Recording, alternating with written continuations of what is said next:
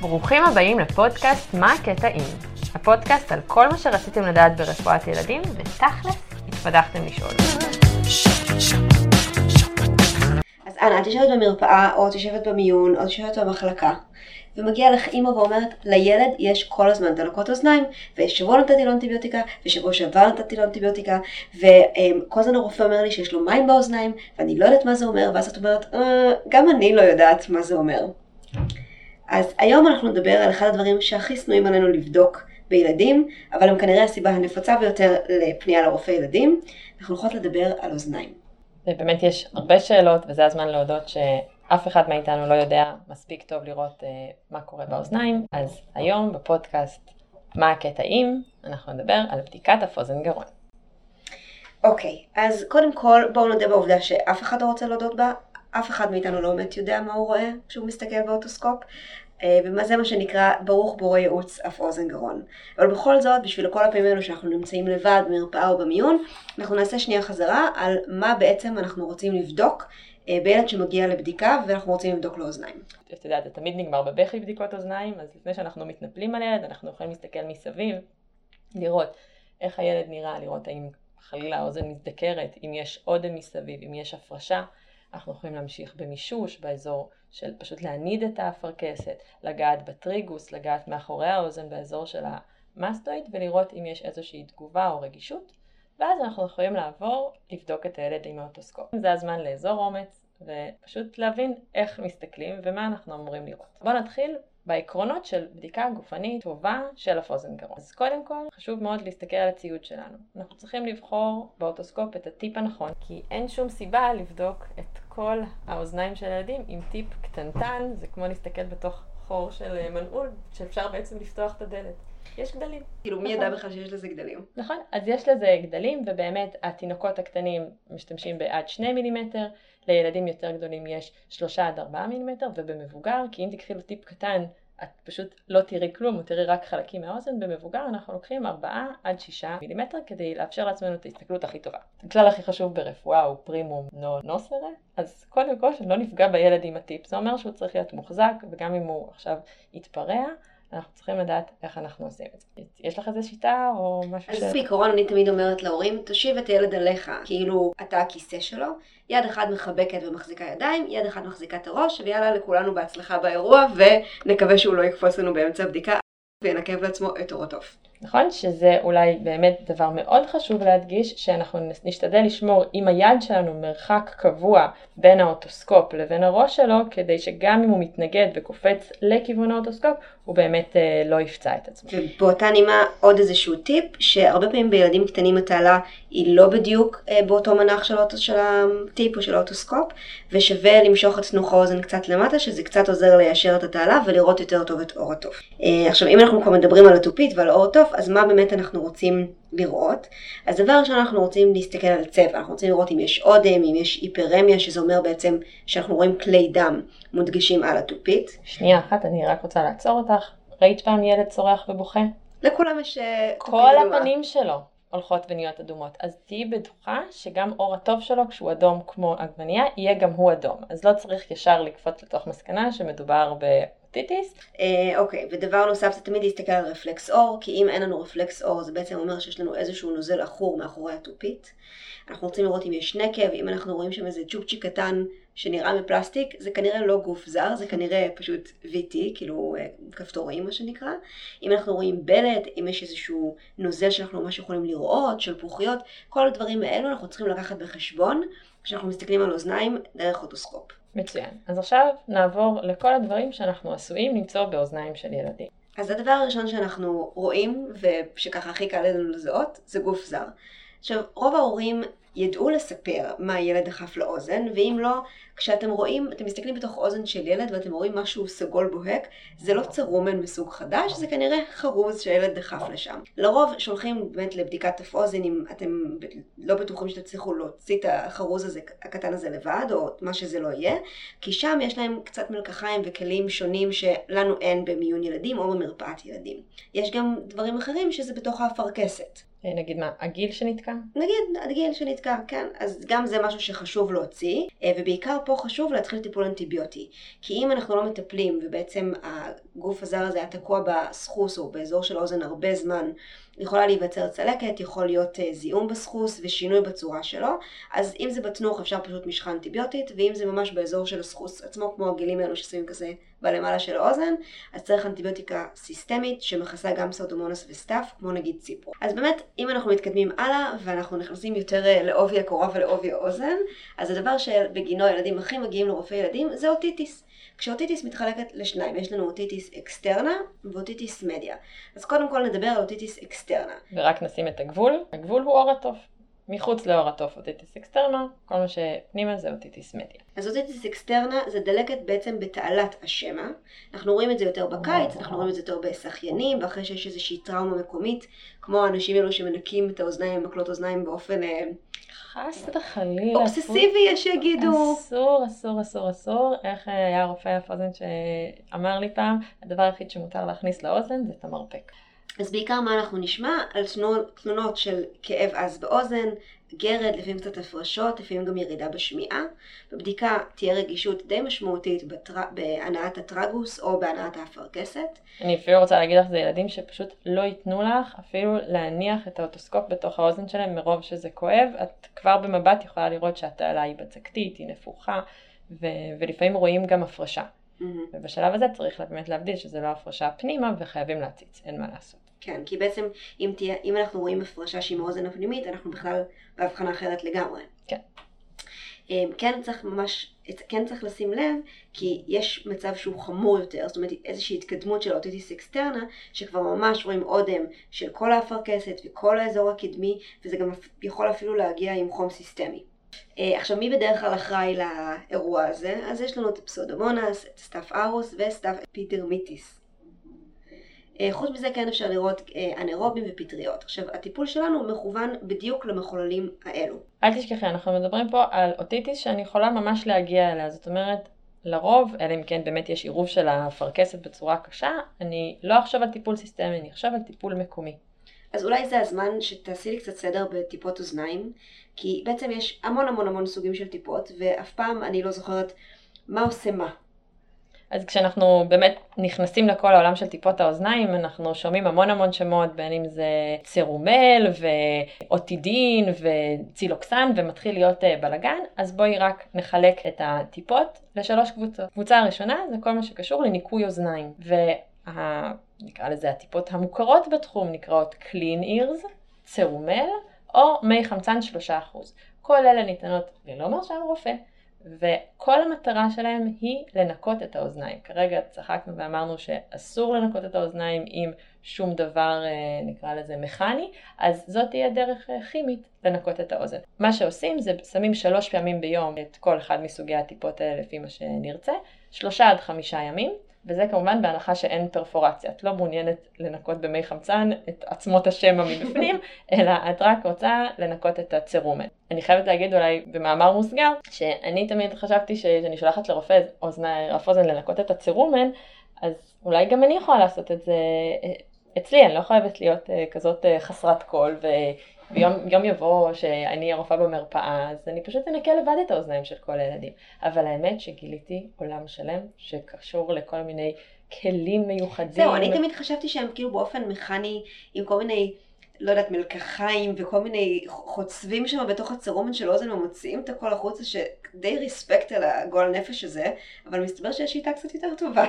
אז קודם כל זה באמת כולל ערכה שלמה של כפיות ודברים שנשמעים לך אה, שאולי... מעוררי תיאבון. בהחלט, ויש להם שואב אבק קטן של האוזניים, אז זה בעצם ממש suction כזה שאיתו אחרי שהם אה, ניקו הם יכולים להוציא. אבל כיוון שאין לנו את הכלים האלה וגם אין לנו שום דחיפות לרוב לעשות את זה. אם אנחנו רואים המון המון cerumen וילד שהוא לא נורא סובל, אפשר בהחלט לתת את המי חמצן האלה ולהיפגש עוד שלושה עד חמישה ימים ולראות מה קורה שם מאחורי האוזן. אז בזאת סיימנו לדבר על טיפות שקשורות לניקוי אוזניים. הסוג הבא של הטיפות זה כל מה שקשור לנוגד כאבים. יש לנו ילדים שמתלוננים לפעמים על כאב באמת כתוצאה מ otitis externa, לפעמים דווקא כאב כתוצאה מ otitis media, אבל בעצם הטיפות האלה יכולות לעזור לנו. שני סוגי הטיפות שמוכרות זה אוטידין ואנסתטיק. להם אין מינון על, מה שנקרא. תטפטפי לתוך האוזן, אין אה, הגבלה לכמות הפעמים ביום, מותר ממש אה, כל חצי שעה עד שעה. אפילו ממליצים לסגור את העניין הזה עם צמר גפן, כדי שלא יברח החוצה, וגם פה, בהנחה שאין לנו פרפורציה בעור, בעור התוף. אה, זה תרופות שקשורות לנוגד כאבים. יש רופאי אף אוזן גרון שאומרים שלפעמים הטיפות האלה קצת משאירות אה, על עור התוף איזשהו משקע ויכול לבלבל אותנו עם אבחנות אחרות, ויש כאלה שפשוט יגידו, די, לילד כואב, יש משככי כאבים שלא חייבים להיות מקומיים, את יכולה בהחלט לתת נורופן, לתת אקמול, והם as good as לטפטף כל מיני טיפות לאוזן, אז גם זאת שיטה שאפשר להדריך את ההורים לעשות. Mm-hmm. והסוג האחרון של הטיפות, ובשביל זה נתכנסנו כשאנחנו מדברים על אוטיטיס אקסטרנה, אז יש לנו כמה סוגים של טיפות. אז יש לנו תרופה שנקראת צילוקסן, שמכילה ציפרו, בגלל שציפרו הוא בעצם לא אוטוטוקסי, כי הוא לא מסוג האמינוגליקוזידים אלא הוא קווינולון, אז אפשר לתת אותו, ואפילו לפעמים מומלץ אפילו לתת אותו גם כשיש פרפורציה בעור התוף, וזו בעצם התרופה שמועדפת. יש עוד סוג אחד של אנטיביוטיקה שנקראת דקסאוטיק, או, או דזורן, נכון?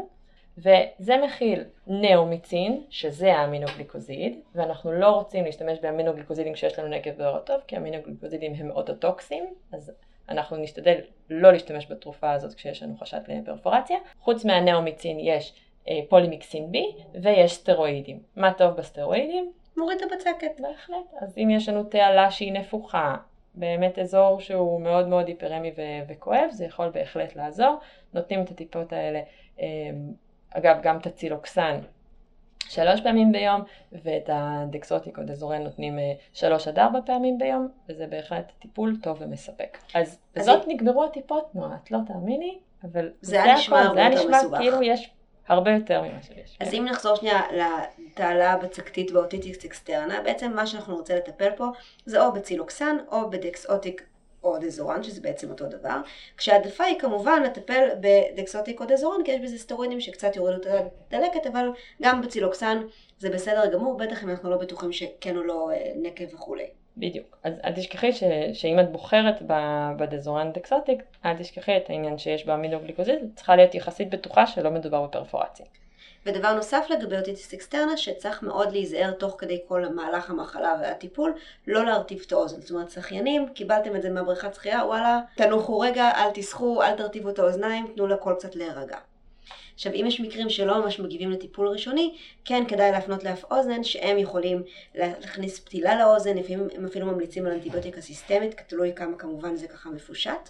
אמ, וגם לזכור שיש הבחנה מבדלת, אם אין תגובה, זה יכול להיות שהגירוי של התעלה הוא על ידי פטריה ולא על ידי חיידק, יכול להיות contact dermatitis, פסוריאזיס, ויכול להיות גם אה, otitis media עם הפרשה שמגרה את התעלה ונראית לנו בצקתית כאילו זה otitis externa. זאת הבחנה מבדלת אה, באמת מאוד חשובה שצריך לעשות. נעבור לדבר הבא, שבעצם כבר נכנסנו אליו תוך כדי דיבור, וזה ה otitis media. ואולי זאת הסיבה מספר אחת ללמוד קצת על אף אוזן גרון, כי זה מה שהמון המון מעסיק את ההורים, וגם אותנו בתור אה, רופאים ראשוניים, האם יש או אין לילד אה, דלקת בעצם באוזן התיכונה. תמיד הורים אומרים, תבדקי את האוזניים שלו, עכשיו יש לו מחלת חום, כי הוא מושך מושך באוזן הרבה. אז, אז אין, אין קשר בעצם. אז באמת אה, מישהו אפילו כתב על זה מחקר, לשאלה האם יש קשר בין אה, משיכה באוזניים, אז יש איזשהו קשר, אבל לא מספיק טוב בשביל שזאת תהיה תלונה, צריך כמובן להסתכל על כל הקונטקסט הרפואי, מסכם המאמר הדגול שאני מצטטת כרגע. אוטיטיס מדיה אנחנו רואים בעיקרון לרוב בשנים הראשונות לחיים בגלל האנטומיה הזאת של האוזן שהאוסטחיאן טוב קצר יותר, יש יותר upper respiratory track infection ואז יש באמת אה, יותר סיכוי שלילד יהיה אוטיטיס מדיה, עוד גורמי סיכון, משתמש במוצץ, אוכל בשכיבה ויש הרבה ילדים שהולכים לישון עם בקבוק אז אה, זאת סיבה טובה להזהיר את ההורים מפניה. מומים בפנים, אם יש ילדים שיש להם שקד שלישי, נוחרים בשינה, יש להם יותר אה, סיכוי ל otitis media, וגם ילדים שהם יותר אטופיים, נכון, כל ה atopic dermatitis ואסתמה, בהחלט יכולים להיות יותר בסיכון ל otitis media. עכשיו, מבחינת תסמינים, אפרופו מה שדיברת קודם על המשיכה באוזן, אז חוץ מזה נגיד שאנחנו יודעים שאין כל כך קשר, אבל אפשר לראות באמת כמעט הכל. החל מאי שקט ועד חום, הקאות, כאב מקומי, שזה בעיקר אגב רואים בלילה, ילדים שמתחילים לצרוח באמצע הלילה. כשאנחנו מסתכלים עם אוטוסקופ, אנחנו נראה עכירות, אודם בלט, היעדר רפלקס אור, כל מה שאמרנו קודם. עיקר המחוללים הם פנאומוקוק, שהשכיחות שלו כן ירדה משמעותית לאחר הכנסת הפרבנר לחיסונים.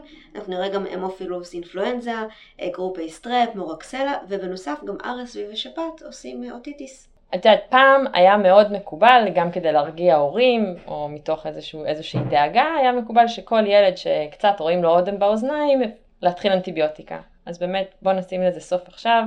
הגישה היום היא ממש ממש לא בעד להתחיל טיפול אנטיביוטי. בעצם אפילו מתברר שחלק לא קטן מדלקות האוזניים, או מה שאנחנו חווים כדלקת אוזניים בבדיקה גופנית ובאנמנזה, זה משהו שיעבור לבד. ואז הומצא העיקרון של הטיפול המושהה. מה זה בעצם אומר? אנחנו רוצים בהתחלה רק לתת טיפול אנלגטי וסימפטומטי לילד, בתקווה שהגוף שלו יצליח לרפא לבד את העניין הזה. אנחנו נותנים אקמול, נותנים נורופן, אפשר לתת אוטידין ואנסתטיק, כמו שדיברנו מקודם, רק בשביל להרגיע את המקום אזורית, רק בשביל להרגיע את האזור, ובמידה ואין הטבה, אנחנו עוקבים אחרי הילד, ואם תוך 24 עד 48 שעות אין הטבה, זה המקום להתחיל טיפול אנטיביוטי. אז כמובן שכמו בכל דבר בחיים יש גם יוצאי דופן, ובהתאם להנחיות הקליניות, אז יש באמת מקרים שבהם אנחנו נתחיל לטפל באופן מיידי, שזה בילדים מתחת לגיל שישה חודשים, ילדים שיש להם בלט ניכר של עור התוף, חום מעל 39, אי שקט ניכר, מומים באזור הפנים, חסר חיסוני או דלקת שהיא דו צדדית, זאת אומרת כל משהו קצת יותר חמור מהדלקת האוזניים הרגילה או האודם המקומי, אז אנחנו מתחילים טיפול אנטיביוטי באופן מיידי. וכשאנחנו מדברים על טיפול אנטיביוטי, name the bug and I tell you the drug, אז כשאנחנו מדברים על אוטיטיס, בגלל שהמילה פנמוקוק מופיעה פה, אנחנו מדברים על high dose אמוקסיצילין, שזה בעצם אומר מוקסיפן 80 עד 90 מיליגרם לקילו מחולק ל-2 עד 3 מנות, וכל זיהומולוג שתשאלו יגיד 3 מנות, כי אם אתה מתחיל ברף נמוך אז אתה תגיע לפעם ביום אולי, אם אתה אומר להם רק פעמיים, אז בשביל אה, להעלות את ה compliance, דווקא להגיד להם שלוש פעמים ביום, לשבעה עד עשרה ימים. עכשיו, אם יש רגישות משמעותית לפניצילין, זאת אומרת למוקסיפן, מה, מה אנחנו נעשה? אז התרופה היא הזניל, לפי עשרה מיליגרם לקילו, למשך שלושה ימים. יש גם אופציה של קלריטרומיצין, 15 אה, מיליגרם לקילו מחולק לשתיים, אבל זה פשוט אה, תקראו בטבלה של ההנחיות הקליניות. אותו דבר לגבי זינת, זאת אומרת אם יש לנו רגישות מינורית לפניצילין, אפשר לתת לי זינת, אמ, זה גם הכל מופיע בהנחיות הקליניות. עכשיו, מה אנחנו נעשה עם כל ההורים האלו שמגיעים למיון ואומרים, די, אני לא יכול יותר, שום דבר לא עוזר, הרופא ילדים שלי לא יודע כלום, אני יומיים עם אנטיביוטיקה, הילד עדיין קווץ', הוא עדיין מושך באוזניים למרות שאמרנו לו שזה לא סימן. אז במקרה כזה, אולי כן שווה להפנות לאף אוזן, לעשות ניכור אבחנתי, או להחליף אנטיביוטיקה לאוגמנטין או רוצפין, שזה, בוא נקרא לזה האמוקסיצילין המחוזק. ובהחלט, אנחנו שוב אומרים, נכון, היה לנו טיפול מושהה, כבר המתנו 24-48 שעות, אחר כך נתנו לטיפול להשפיע עוד 48 שעות. אם אחרי התקופה הזאת הילד לא משתפר, זה בהחלט אומר שאנחנו צריכים לחשוד במשהו אחר, לחשוד שמשהו בטיפול שלנו לא מספיק טוב, אז הסיבה לעשות ניכור זה כדי שנוכל למצוא את החיידק, אנחנו נוכל להוציא את המוגלה, זה גם אגב מאוד עוזר כשמשחררים את הלחץ אה, מעבר לאור הטוב, וזה גם דרך טובה להצדיק את עצמנו ששדרגנו את הטיפול. עכשיו מה עושים כשיש הפרשות מוגלתיות מהאוזן? אז במקרה הזה אנחנו רואים בעצם ניקוז בלחץ דרך נקב שנוצר ספונטני בעור התוף. זאת אומרת עשינו לאף אוזן את העבודה באופן טבעי.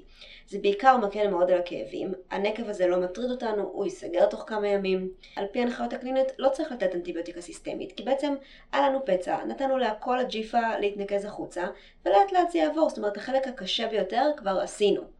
אבל שימי לב שעכשיו יוצא המון מוגלה מהאוזן, הרבה פעמים זה גם מלחיץ את ההורים, יש לזה ריח רע, ובינינו גם יש הרבה סיכוי שחיידקים ירצו לקפוץ על כל הג'יפה הזאת ו- ולזהם את האוזן, אז דווקא במקרה הזה זה נהדר, דיברנו כבר על כל סוגי הטיפות האנטיביוטיות, זה המקום להכיר את ה Ciloxan, וזה המקום להשתמש בו.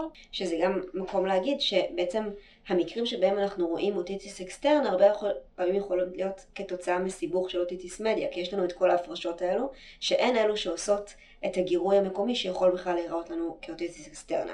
אז כן חשוב לטפל בזה. וחשוב לדעת מה אנחנו רואים באוטוסקופ. כן, בהצלחה עם זה. אחרת אנחנו בבעיה.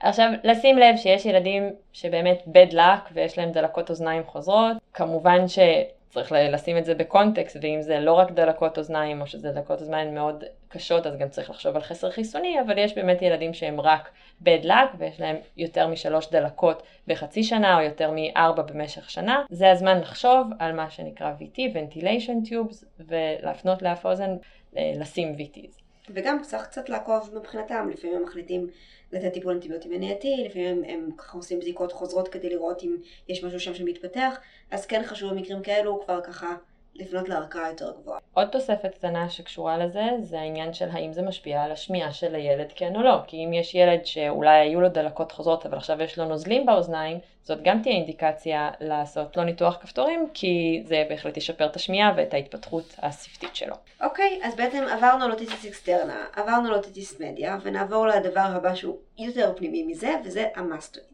אז בעצם mastoiditis זה זיהום בתאי האוויר של ה mastoid. זה סיבוך של otitis media, זאת אומרת אין לנו mastoiditis בלי שהיה קודם otitis media, בין אם הוא הורגש או לא הורגש. כי הדלקת פשוט עוברת אחורנית לתוך תאי ה mastoid ומצטבר שם נוזל מוגלתי שבעצם עושה הרס של המחיצות הגרמיות באזור וממש יכול לעשות שם נזק די רציני.